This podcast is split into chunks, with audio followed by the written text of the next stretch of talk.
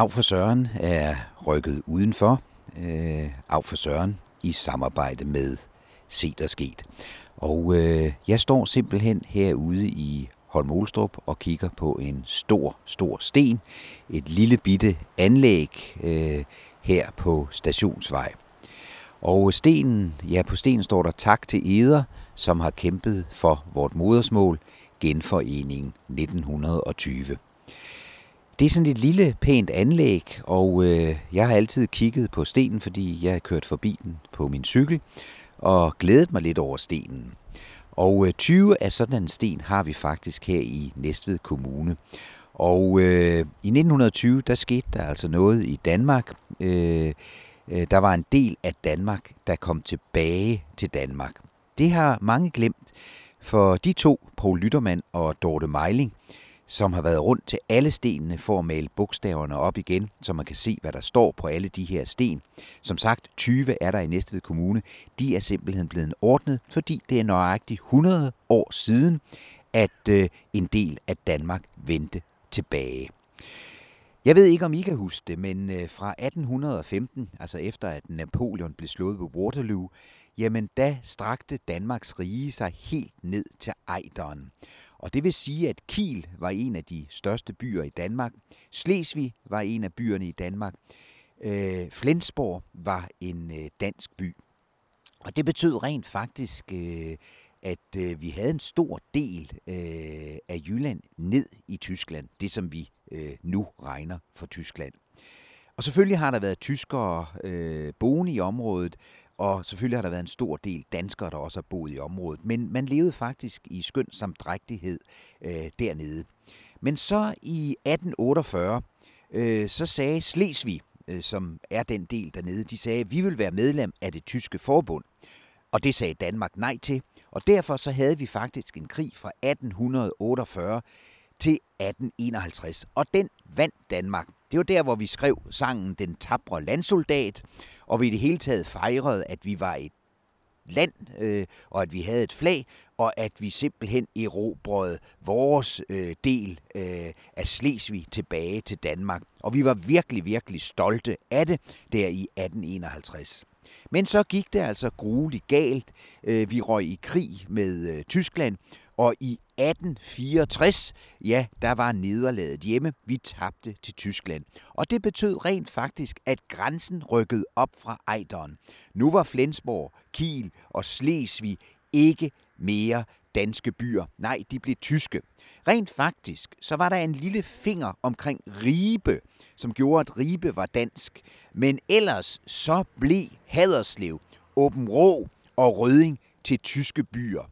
Og i 56 år, frem til 1920, der havde vi simpelthen øh, tysk styre øh, i dette område. Det var ikke dansk mere, nej, det var tysk.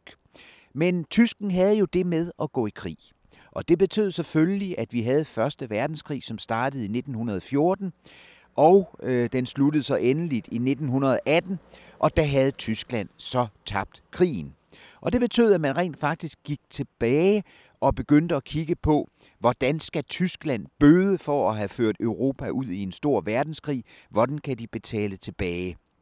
Og en af de mere fredelige ting, man gjorde, det var rent faktisk, at man kiggede på Tyskland og Danmark og tænkte, her øh, skal vi altså simpelthen sige, at vi skal stemme os hjem til Danmark. Og der var to zoner. Den første zone lige over grænsen og, og halvdelen af Slesvig, og så zone 2 øh, længere ned, helt ned til Ejderen. Og det var de to zoner, hvor man skulle have en sindelagsafstemning. Altså, hørte man til Tyskland, eller hørte man til Danmark? Og øh, den afstemning foregik fuldstændig fredeligt, og det viste sig, at zone 1, ja, de stemte sig tilbage til Danmark, så justerede man lidt på grænserne, fordi man kunne se, at øh, jamen, der var lidt flere danskere der, og, og så blev den sådan ligesom tilrettet, så flest mulige danskere kom til at tilhøre Danmark, og flest mulige tyskere kom til at tilhøre Tyskland. Og så blev grænsen altså trukket op i 1920, og det hele endte frygtelig festligt med, at Christian den 10. red på en hvid hest ind i det tabte Sønderjylland, som kom tilbage til Danmark. Ja, det lyder som et savn, et eventyr fra gamle dage. En røvet datter, ja det er altså Sønderjylland, er vendt frelst tilbage. Og så var vi jo alle sammen lykkelige i 1920, og det er helt nøjagtigt 100 år siden. Min mormor og morfar boede i Åben Rå. De blev gift i Åben Rå, da Åben Rå stadigvæk var Tyskland. Min morfar var feltløbel i den tyske krig under 1. verdenskrig, men flygtede rent faktisk til Danmark.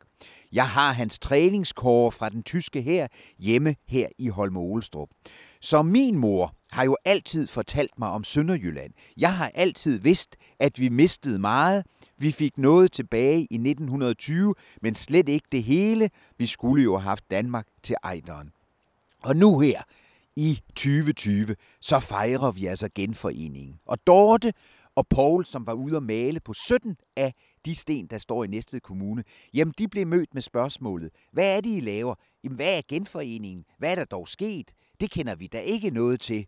Så jeg tror, her i 2020, der vil vi alle sammen blive klogere på, hvad der skete for rigtig mange år siden i Sønderjylland og i Danmark og med den danske historie. Men hip hurra for afstemningen i 1920. Her viste vi faktisk verden, at man kan løse en grænseproblematik på en fredelig måde, og rent faktisk så eksisterer der stadigvæk tyske mindretal i Danmark og tyske øh, og danske mindretal i Tyskland stadigvæk. Og vi har danske skoler bag den tyske grænse, som stadigvæk fungerer. Ja, mine damer og herrer, øh, jeg kunne tale langt videre, men I skal høre her, at den her genforeningssyn i 1920 Holm Olstrup, den blev afsløret søndag den 11. juli i 1920 af proprietær Karl Hemmingsen, Annexgården Kalby, som udtalte, at håbet om, at den for kommende slægter måtte stå som et vidne om glæden hos det danske folk over sønderjydernes hjemkomst. Så jeg står altså med en sten, som er et vidne på genforeningen.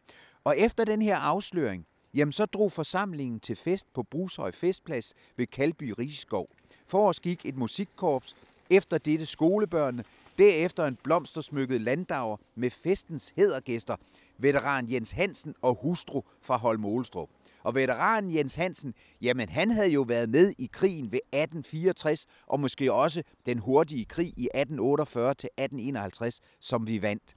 Så en overlevende, Jens Hansen, han var med at fejre, at man rejste stenen i 1920. Og endelig, bagefter veteranen og landdaveren, ja, det er jo en dejlig, behagelig hestevogn, skal jeg lige sige, så kom den store skare af sovnets øvrige beboere, og festen sluttede med, at skolebørnene sang Kongernes Konge. Og det er også Karl Hemmingsens øh, skrift, der her står for indskriften på stenen.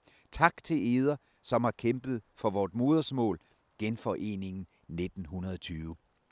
Ja, det var ordene. Vi skal fejre det nu her. Og øh, af for Søren, af for Søren, se der sket, øh, vil nu drage hjem i stuen.